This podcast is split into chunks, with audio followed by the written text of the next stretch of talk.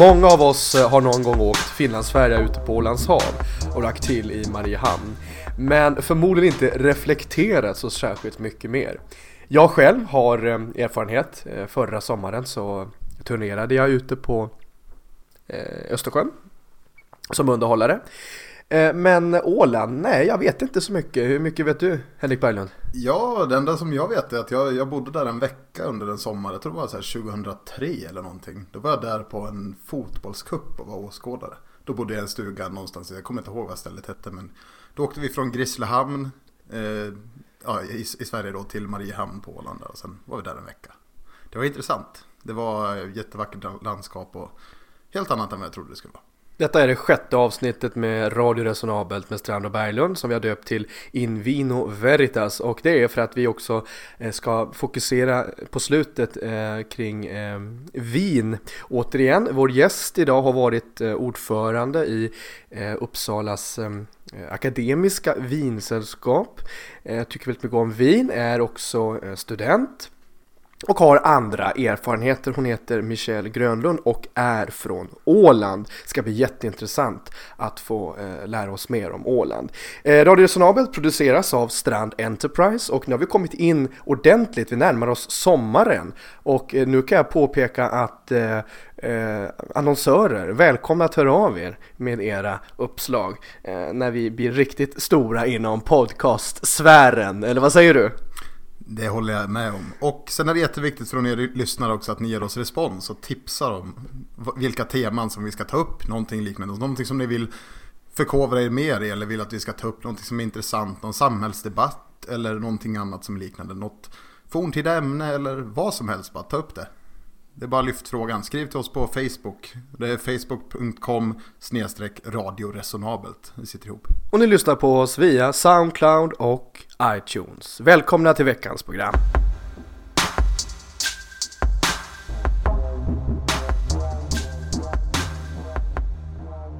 Michelle Grönlund, varmt välkommen till Radio Resonabelt.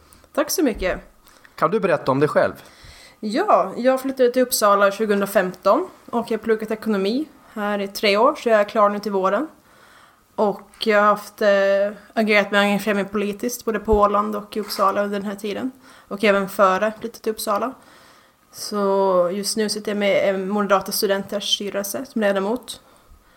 Och eh, också nyligen varit ordförande för Uppsala Akademiska Vinsällskap. Jag tycker om att umgås med mina kompisar på fritiden. Annars tycker man att gymma. Så jag morgonsimmar 20 över 6 på morgonen. Brukar jag göra. Så jag brukar sp jag köra spinning på kvällen. Så att eh, träning är en stor del av mitt liv. Annars tycker jag om mat och vin. Alkohol i dess former är alltid trevligt. Um... Ja, vad fick dig att gå med i vinsällskapet här i Uppsala och sen bli ordförande sen? Eh, jag gick faktiskt direkt till ordförande faktiskt. Det är väl okay. ganska ovanligt att man hoppar direkt på ordförandeposten. Men jag har alltid haft intresse för, för mat, matlagning. Och då ville jag veta hur vin kombinerades ihop med mat. Och jag tyckte det skulle vara intressant att lära sig mera, mer om bakgrunden till det. Så därför gick jag med. Är det någonting som du tänker fortsätta med sen efter dina studier? Att vara med i något vinsällskap eller någonting liknande? Nej, det tror jag väl inte. Men att jag kommer att gå på provningar och sånt. Det finns ju andra provningar att gå på. Riedel, Riedel typ, de, de är jätteduktiga. Jag tänkte gå på flera av deras provningar. Och vi har ju förmånen att du har valt ut två stycken eh, sorter här idag som vi kommer få eh, pröva eh, till slutet. Eh, framtidsutsikter. Eh, du tar alltså en examen här nu eh, ja. i vår men ja, vad tänker du dig längre fram? Ja, jag kommer ju fortsätta läsa universitetet så att mina stackars kompisar kommer ju få lida med mig här ett, ett par år till. jag kommer läsa till systemvetare. Förhoppningsvis kommer jag in på, på min utbildning i höst. Så jag kommer läsa, plocka kurserna, 90, 90 HP då, så det är tre terminer. Efter det så kommer jag eventuellt läsa master på det som täcker både företagsekonomiska biten och systemvetarbiten. Så det är väl tanken, så det är ungefär fyra års studier till ungefär. Vad är det för karriärval du har tänkt efter det? Vad kan man göra som man, systemvetare? Alltså man kan göra väldigt mycket, det är en väldigt bred utbildning. Både ekonomi och systemvetenskap är väldigt breda det är ju främst med helt lägga handen på hjärtat vad jag själv skulle vilja göra. Jag skulle vara egenföretagare och, eh, och driva ett eget företag där man utvecklar ekonomisystem och säljer dem vidare till eh, olika typer av leverantörer, olika bokningssystem kanske. olika företag som har behov av, behov av ekonomisystem, bokföringssystem. Så att min tanke är väl att nästla mig in i ett företag när man, och hitta svagheterna i systemet, att den utvecklar ett eget system. Så, så egenföretagare. Men man, eh, man ska ju sikta, sikta mot kärnan och nå tre topparna så att eh, det är ju en grej. Och sen andra delen som jag funderat på det är ju politiken då. Så att det har ju fått förfrågan om att ställa upp i lagtingsvalet på Åland, vilket är ungefär ålänningarnas liksom, riksdag då. Och även funderat på svensk politik har också fått förfrågan om att satsa högre då. Inom MUF och andra ungdomsförbund också blir erbjuden. Så, ehm, så det är väl eh, det är väl det, de, de två delarna. Så det är ju tudelat för mig vad jag vill göra. Men man kan ju göra båda två. Varför engagerar du dig politiskt från början? För att jag har för mycket åsikter över att sitta i soffan själv och klaga. Klaga hemåt. Jag vill liksom försöka få, få igenom mina egna åsikter, mina egna tankar. Så att det, var, det var väl tanken från första början. Och eh, egentligen att jag engagerade mig politiskt var en slump från första början. Att det var ju aldrig tanken. Att det var ju politiker ansågs som halvt tråkiga människor som pillar navelludd som lyft, lyfter lön för ingenting. Och i gymnasiet så läste jag en kurs på, alltså på Åland, Ålands Lyceum. Så läste jag en kurs i samhälls, samhällskunskap där vi gjorde projektarbeten om eh, aktuella, aktuella politiska frågor på Åland. Och eh, där blev jag en het debatt med en klasskompis angående kommunsammanslagningen. Jag var då emot kommunsammanslagningen, han var då för. Så det här, hela lektionen blev en debatt mellan mig och honom och lektionen efter så delade hon ut då ansvarslärarna, eller ansvarsposter och vilken grupp och skulle undersöka om, om olika ämnen då. Då fick min grupp, eh, vi var emot kommunsammanslagningar så vi skrev ett grupparbete om det då. Och eh, nu är det ungefär skrivit klart, vi intervjuade en hel del politiker och sammanställt så fick vi förfrågan om att presentera det här i lagtinget på ett ungdomsforum. Och det var på den vägen som jag eh, gled in politiskt. Så att då kom jag i kontakt med Harry Jansson som då var dåvarande ordförande för Åländsk Center. Och det var på den vägen som jag då kom in, in via Centern sen då, när jag slutade gymnasiet, för då hade jag tid att engagera mig mera. Men det var egentligen på, egentligen min gymnasieskola fick mig att engagera mig politiskt. Och en projektanställd på landskaps, landskaps, eller lagtinget som, som, vill, som helt enkelt eh, körde det här projektet då, med ungdomsforum och, och engagerade ungdomar via det. Ur ditt perspektiv, eh, vad är det som skiljer, alltså den mest väsentliga skillnaden mellan svensk och åländsk politik? Är det någon jättestor skillnad eller är de hyfsat lika? Eller ja, alltså det är ju som ett, Moderaterna som exempel till exempel. För jag, nu är jag Moderaterna på Åland och Moderaterna i Sverige. Så de är ju ungefär, båda betonar ju frihet som en viktig grundbult i sin ideologi.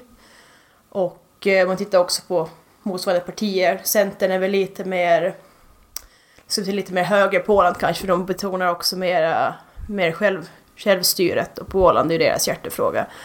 Men eh, generellt sett så är, de, så är man ganska lika, både Sverige och Finland. Det är väl egentligen, eller Sverige och Åland, och det är egentligen skalan att det är mycket mindre skala och färre personer som är aktiva på Åland, vilket också är ett aber för ungdomspolitiken och för helheten och för, för lagtinget också. Men det var ju över 300 sökande till lagtinget senast, då, eller så här, som ställde upp till valet. Så att det var ju lite väl många med tanke på att ungefär. Jag har inte skänkt på hur många platser det finns, men inte 300 stycken i alla fall. Hur pass självstyrande är man? Alltså vi är ju vi är ganska självstyrda ändå. Vi, vi har ju olika områden som vi själv kan lagstifta om. Och eh, de som är så kallade landskapslagar, för Åland är ju ett landskap. Och de landskapslagarna som är exempel och det som är väldigt konkreta det är post och polisväsende, undervisning samt kommunernas egen förvaltning. Och sen finns det områden som vi inte får lagstifta om. Så det är ju tull, domstolsväsenden och eh, statsskatteregleringar. alltså skattesatsen kommer från staten då, så det kommer ju direkt från Finland. Då. Om vi tänker på autonomin eller om vi tänker hel självständighet. Hur långt gånget är det? Röstas det för eller emot eller har det skett någon omröstning eller någonting liknande? För? Vi har ju ett parti som driver den här frågan med Ålands framtid som vill ju att Ålands ska vara självständiga.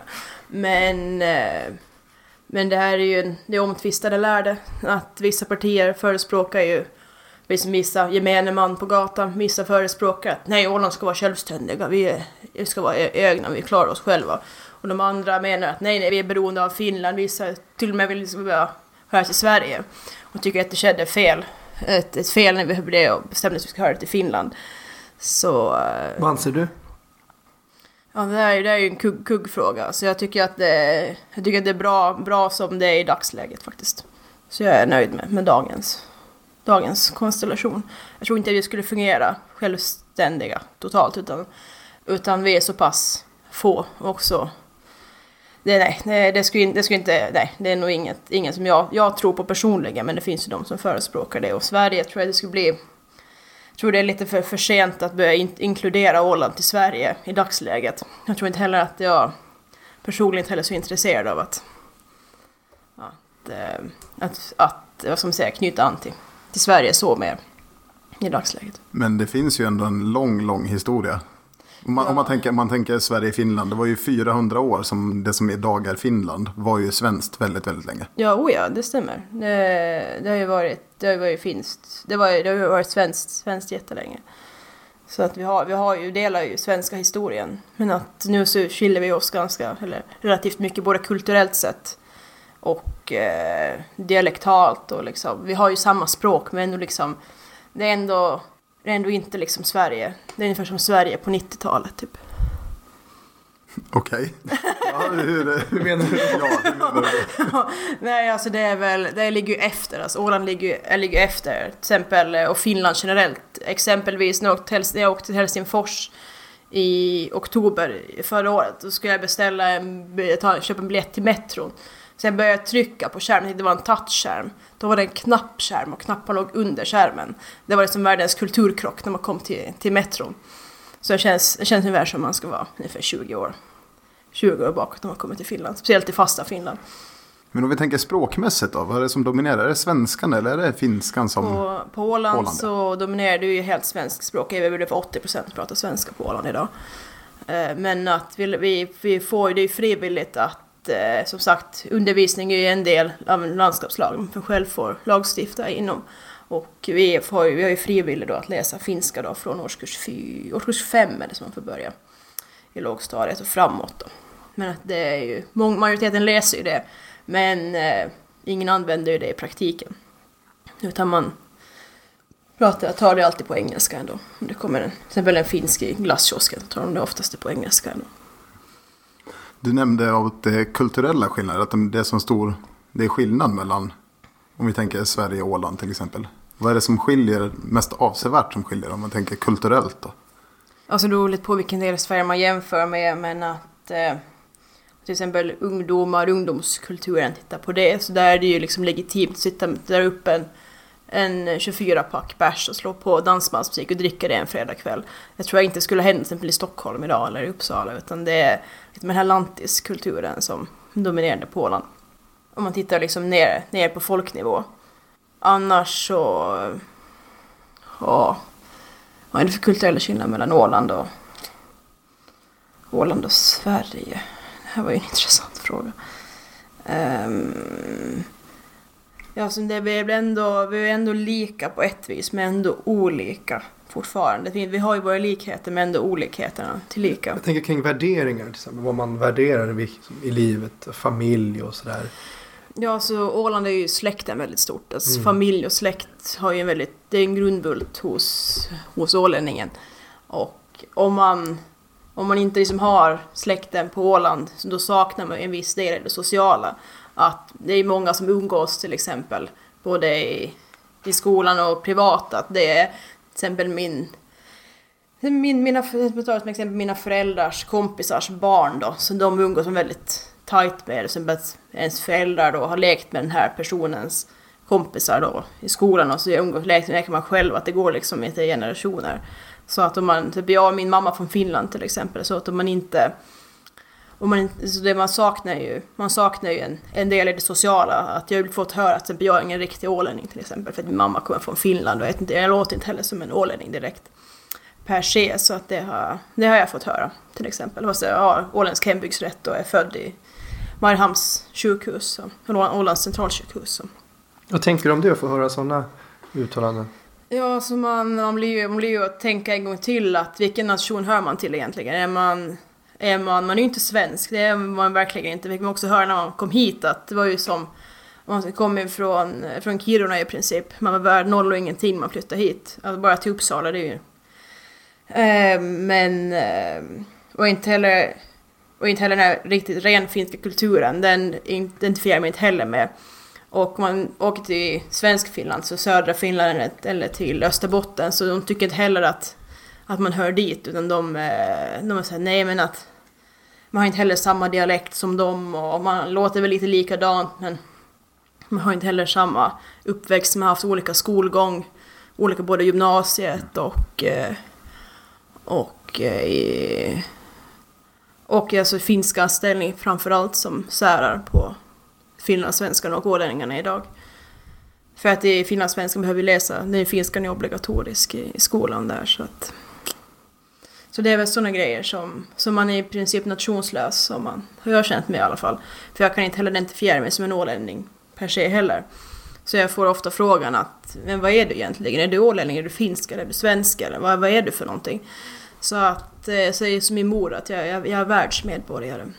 Då förstår jag. Det är, det är ganska vanligt att man ser sig som det ibland. För att människor flyttar runt, kommer från olika kulturer, länder och sånt där och reser runt.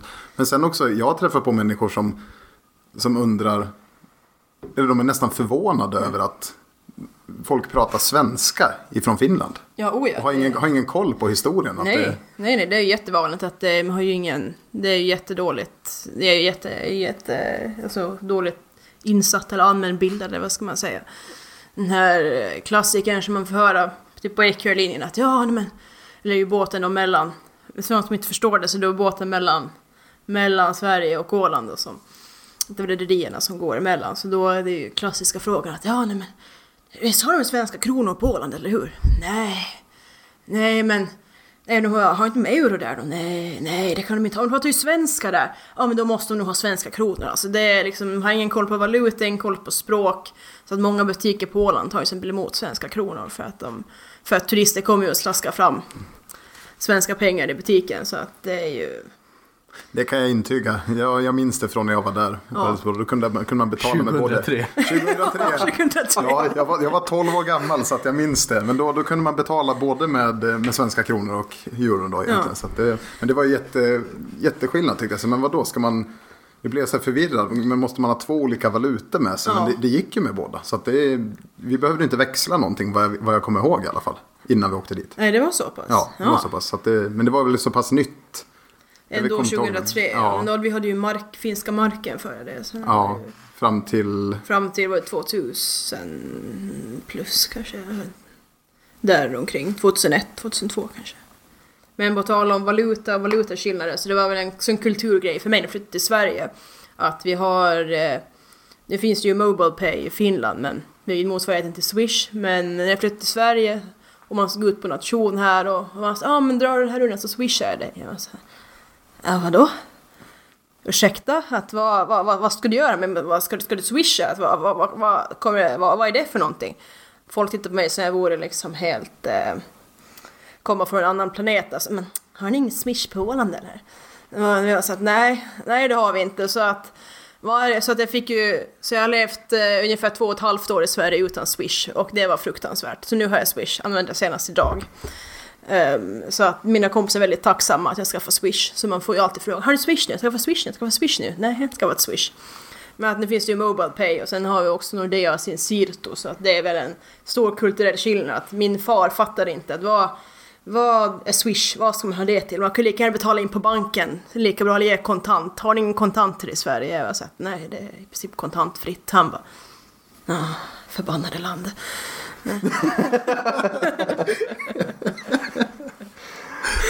ja. Så att det, det, det, den här, så att det var också till mina kompisar som har kommit till Åland att kontanter har mycket mer, har mycket större betydelse i Finland än vad det har i Sverige. På ett vis. Och det är ju också tecken på, på Swish och sånt som har kommit. Så det är också knyter an att Finland är ungefär 20 år efter men det kan väl vara lite också i Sverige att vi ska försöka vara så moderna hela tiden. Och vi, ska vara det som är inne. Det ska liksom, ja, men man kan inte leva kvar i det gamla med det där. Det ska framåt. Man ska vara med i världsutvecklingen. Det Ja. kan, kan väl vara lite sånt också. Ja, förändring i förnedring eller? Så kan man också se det. Men det, det var inte jag som sa det där nu utan det var du. Så det, Vad har du för tankar om det Strand? Eh, Jag tänkte byta spår. Eh, lite, ja. Eh, och jag vet att du har arbetat med eh, arkitektur Ja, det är i ju... Mariehamn. Ja, absolut. Berätta om det. Ja, jag har fortsatt jobba med samma jobb i sommar faktiskt. Så jag har jobbat på Stadsarkitektkansliet, förkortas STARK. Så jag har jobbat med olika inventeringar och fotografiinventeringar samt också för att få med och färgsätta lite nya byggnader och, och jobba, jobba väldigt tätt, tätt inpå eh, den eh, norrländska arkitekturen och ut, stadskärneutvecklingen idag. Eftersom vi, typ stadskärnan är i princip död inne i Mariehamn om man riktigt är krass. Så att den här ger lite mer nyanserad bild till det här fina öriket som blommar upp på sommaren. Går du en december morgon, typ ska ta ut en kaffe på stan. Det finns inget espresso house, det finns inget Starbucks. Du får ingen kaffe. Det är tjockt lager med snö, det finns ingen, ingenting att hämta. Tyvärr. Det, det, det är totalt dött för att ingen, det finns inga butiker som har öppet. Var det något intresse med arkitektur du hade före du började jobba där? Eller, var eller kom du bara in? Nej, alltså jag, jag kom in på grejer av en slump. Det här var också en slump som jag kom in på arkitekturen. På det viset att min, min mamma såg en annons i tidningen att Starkt och söker en sommarpraktikant. Och tyckte då ville de ha främst en som var duktig på fotografering och bild och då har jag jobbat tidigare med, eh, med Tinka Björke på Mariams församling och fotograferat samt också praktiserat på tidningen. Så jag har jobbat med, med fotografering tidigare. Och eh, de ville ha en som var duktig på bild, bildredigering och kunde indesign. Och, och då var jag första års gymnasiestudent och bara, ja men fine mamma, jag söker, söker jobbet, söker jobbet. Så jag sökte det, var på intervju. Vi har varit över 60 sökanden och de tog mig. Och nu har de levt med mig, det här är väl sjunde året jag jobbar där, så att de var väl mer än nöjda. Men Det, den person de anställde. Så att jag har kommit tillbaka i princip varje, varje sommar och jobbat där med olika, med olika, med, med olika projekt. Mitt favoritprojekt det var, eh, det var den här, eh, det var Kivits-utställningen som var för, den var 2000, 2015 tror jag att det var som, som vi hade den. Så då kom en arkitekt från, eh, från Finland som hade en utställning om Kivits För han ritade Ålands stadsplan, eller Mariehamns stadsplan. Och har också ritat andra stadsplaner då, för fasta Finland. Och så det var jätteintressant. Så det var egentligen på det spåret som jag liksom verkligen, då började jag grotta ner mig i Kivits, vem var Kivits, vad gjorde han? Och jag fick också grotta ner mig ytterligare det när jag var talare på Heimdal. Då lyfte jag ju också Kivits och, och eh, hur stadsplanen sett ut i Mariehamn. Att vad var tanken? Hur, det, hur ser det ut idag? Varför finns de problem i Mariehamn som finns idag? Så, ehm, så att allt, allting bottnar i en sak. Och då var det jag ville veta liksom den här röda tråden. Att vad var liksom, vad var grunden till detta? Varför, var, varför finns de här strukturella problemen som finns idag? Liksom. Du nämnde Heimdal. Ja. Kan du eh, utveckla lite mer? Vad, vad är det för någonting? Heimdal, det är en eh, borgerlig politisk studentförening som finns här i Uppsala. Som, eh, där, som grunden var att man sammanstrålar mm, borgare i princip som pluggar i Uppsala, funnits sedan 1800-talet. Om vi går går tillbaks till politiken eh, igen på Åland. Eh, Ja. Vilka frågor är stora idag? Om man går ut på gator och torg eller kanske också går in på sociala medier där många ålänningar är aktiva. Eh, vad är det som diskuteras? Det som diskuteras idag som varit populärt sedan jag började eh, för många år sedan. Eh, så det är ju kommunsammanslagningarna. För back in the days då jag var 2012 som jag började så då var det här i diskussionsstadiet och då så föreslog min arbetsgrupp då att, att vi i skolan att vi vill ha en folkomröstning angående det här. Och nu har det ju faktiskt realiserats att i, var det i slutet på förra året som man faktiskt gjorde en folkomröstning. 2017, så vi hade faktiskt förutspått utvecklingen eh, politiskt. Och nu är det ju så att de försöker införa en tvångslagstiftning där man ska sammanslå kommunerna. För att att eh, den ekonomiska biten inte, inte är hållbar längre. Annars alternativt får man höja skattesatsen och det är man ju inte intresserad av. För jag har ganska låga skatter och ligger på ungefär vad är runt 16, 15-16 procent kommunskatten på Åland. Så det är väl de populära frågorna. Alternativt eh, som finns till.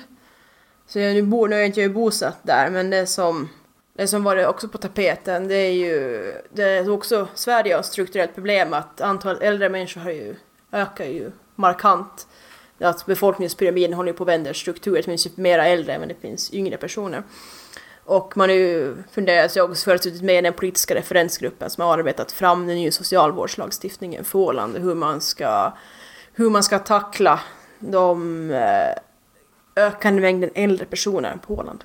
Så det är väl en till grej som jag skulle säga att var, var intressant. Annars, som, som varje vår som alla åländska jägare som hjärtat klappar för, det är ju vårfågeljakten, så det är ju också en en verkligen lokal grej som, som vi går mot EU, så fin, hotat att dra upp Finland till EU-domstolen för att vi inte följer EU-regler angående vår, vårjakten. Så att, så att vill vi förbjuda.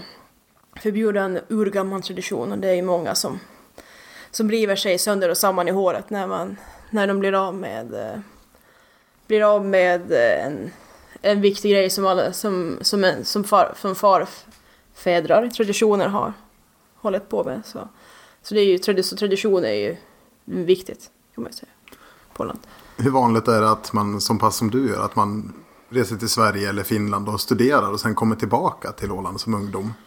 Ja, alltså det är ju väldigt vanligt. Att det, är, det är många som flyttar, men det är också en hel del som blir kvar. Som också pluggar på distans. Det tror jag blir, blir vanligare. Många av mina gymnasiekompisar som bor kvar har sina pojkvänner, vissa får till och med barn i min ålder. Och eh, och, och blir kvar helt enkelt på, på Åland.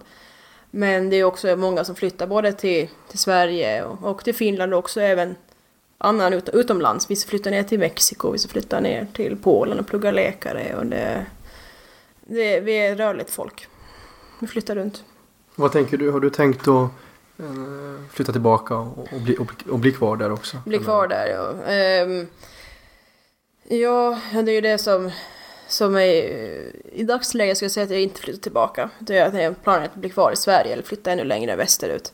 Eller flytta till Norge eventuellt efter examen. Men det är ju bara, bara drömmar och funderingar som, som spinner i huvudet. Men, men eh, alla, alla brukar klappa mig på axeln och skratta åt mig och säga att ja, när du hittar en redig kar och, eh, och när du har jobbat klart så då, eller utomlands, då flyttar du nog tillbaks för det är bra för barnen på Åland. Så det, det är det som alla säger och jag flinar tillbaks. Så, men du är inte riktigt, du är inte riktigt frisk i huvudet liksom. Att jag kommer inte komma tillbaka med att det... Vi får se hur det blir.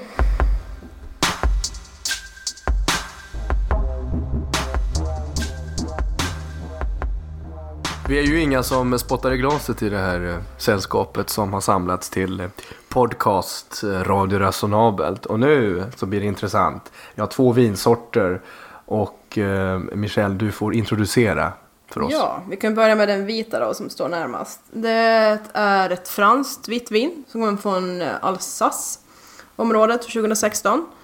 Och det är ett väldigt till ögonen sett man tittar på, på glaset som vi har bredvid oss så är det en ljus, ljusgul färg. Det är väldigt, nästan flera blommosaktigt. Flera saft om man har druckit det, så ni samma färg. Och själva vinet, det är druvigt. Friskt, det är insmak av päron, både örter och lime. Och eh, apelsinblom, det är väldigt fruktigt helt enkelt. Därför tycker jag att det är väldigt trevligt Riesling. Och det ligger en alkoholprocent på typ 12-12,5 procent. Nummer 22257 för er som vill uh, köpa den här senare också. Mm. Okej, eh, hur går det till när man prövar? För du har det på ganska många sådana prover. Ja, man prövar. Man ska, som jag ser här, att eh, vi ska hålla det nere. När man dricker vin ska man hålla det nere, inte uppe i kupan, man ska hålla det nere här vid eh, själva halsen, man ska säga. Och, det är för att inte värma vinet. Ja, det är, det är väl också det är lite mer inte så fina att dricka så här. Så att vi... Ja, just det. det är... Vi måste avsmaka ska den här avsmaka det. Och när man, när man smakar ett vin så man först, vi ska trycka in trynet, alltså hela näsan ner i kupan och dofta på det. Vad känner du för doft? Och efter det så kan du Det lätt... luktar som när jag gjorde sju dagars vin.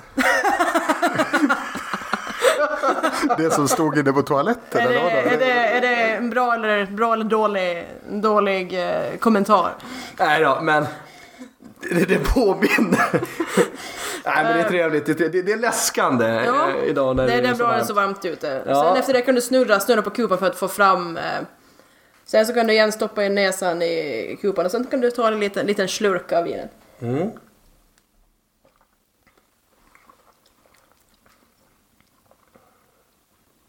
Vad tyckte ni? Var det gott? Fullt med smaker. Ja, såklart. Väldigt, väldigt liksom läskande, för nu har vi haft det i kylskåpet ett tag och det Ja. serveras cirka 8 grader Ja, plus serveras det. Så att Det är ju det- typ vit, vit, klassiskt vita viner.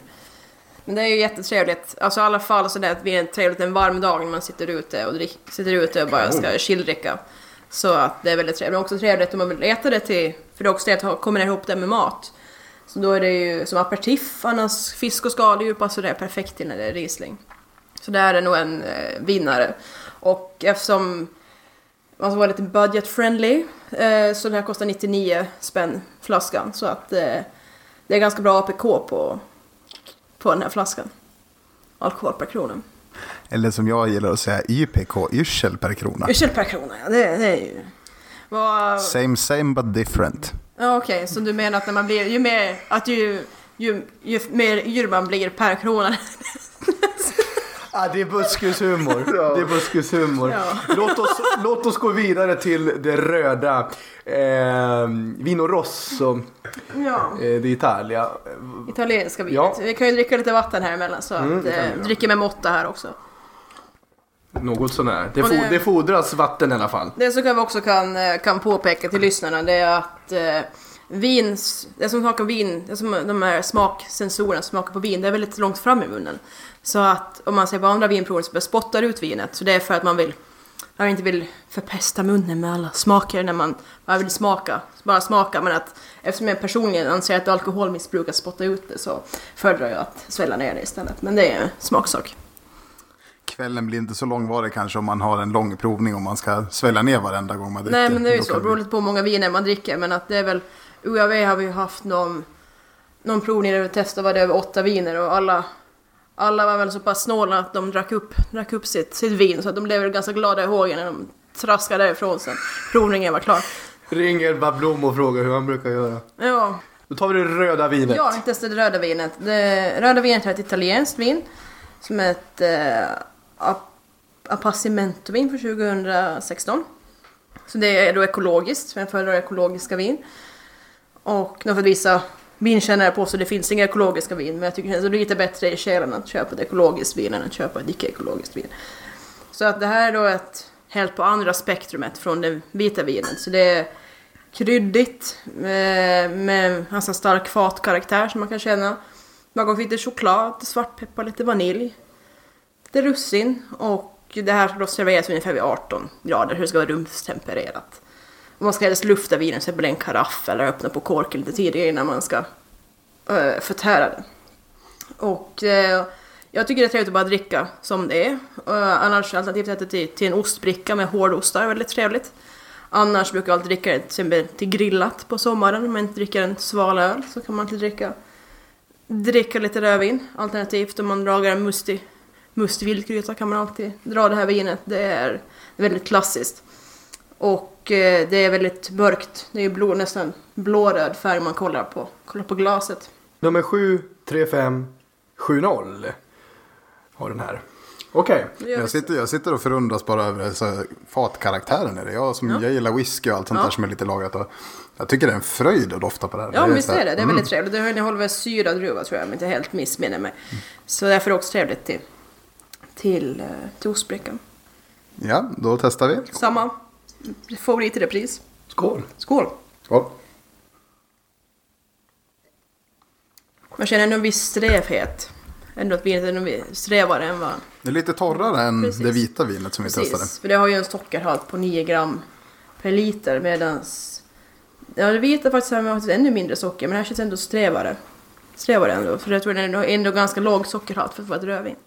Mer kraftfull i smaken må jag säga. Ja, Men det är klart, det är, det är ju som, som sagt skillnad på rött och vitt vin. Men för att vara ett rött vin så tycker jag den är väldigt kraftfull. Det är inte så jätteofta jag har testat röda viner. Men jag har inte varit som fantast av röda viner Nej. tidigare. Det är först för några år sedan jag började gilla det. Så Det är fantastiskt här, riktigt bra. ja, så det följde i smaken som, som inte var en direkt rödvinsälskare. Ja, absolut. Ja, vad kul. Absolut. Ja, rödvin har inte varit aktuellt för mig eh, förrän kanske ett och ett halvt, ja, ett år sedan skulle jag nog säga. Ja, det, det var vitt vin som, har, som, ja, som jag har druckit. Men nu tycker jag inte vitt vin är något märkvärdigt. Den här vita var dock bra. Jag, jag skojade naturligtvis där om, eh, det, det där om doften. Det, det här var väldigt, väldigt fint Ja, vin. kul. Eh, och medan vi avnjuter de här två så ska vi få en betraktelse, mina damer och herrar. Här kommer Berglunds betraktelse. Jag ska tala nu om en benämning. Om man säger till någon, din lilla rackare där. Om man av ett barn till exempel har blivit utsatt för någon, någon bus av en lindrigare sort. Språkhistoriskt sett så är det inte så smickrande som det är idag om man säger en lilla rackare. Det kan vara ganska fint att benämna det, men det är en liten rackare det där. Eller ja, vad är du för en liten rackare till exempel. Men en rackare då, det användes på att benämna bödeln. En person som fruktades och föraktades av många i samhällets olika skikt.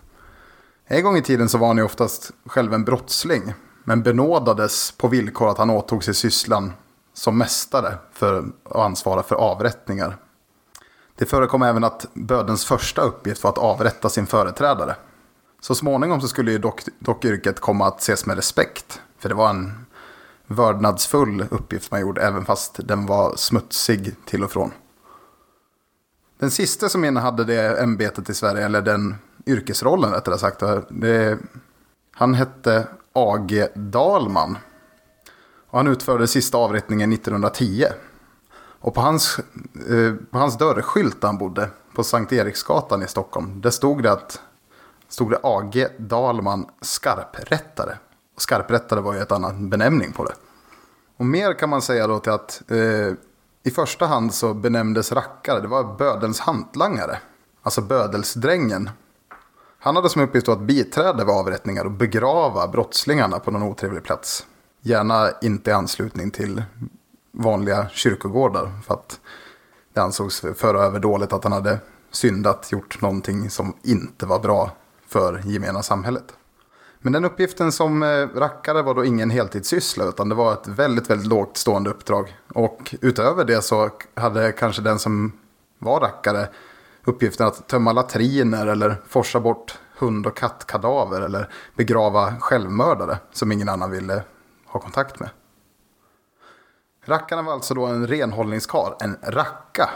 Det är ett lån från tyskan som eh, betyder att avlägsna orenligheter.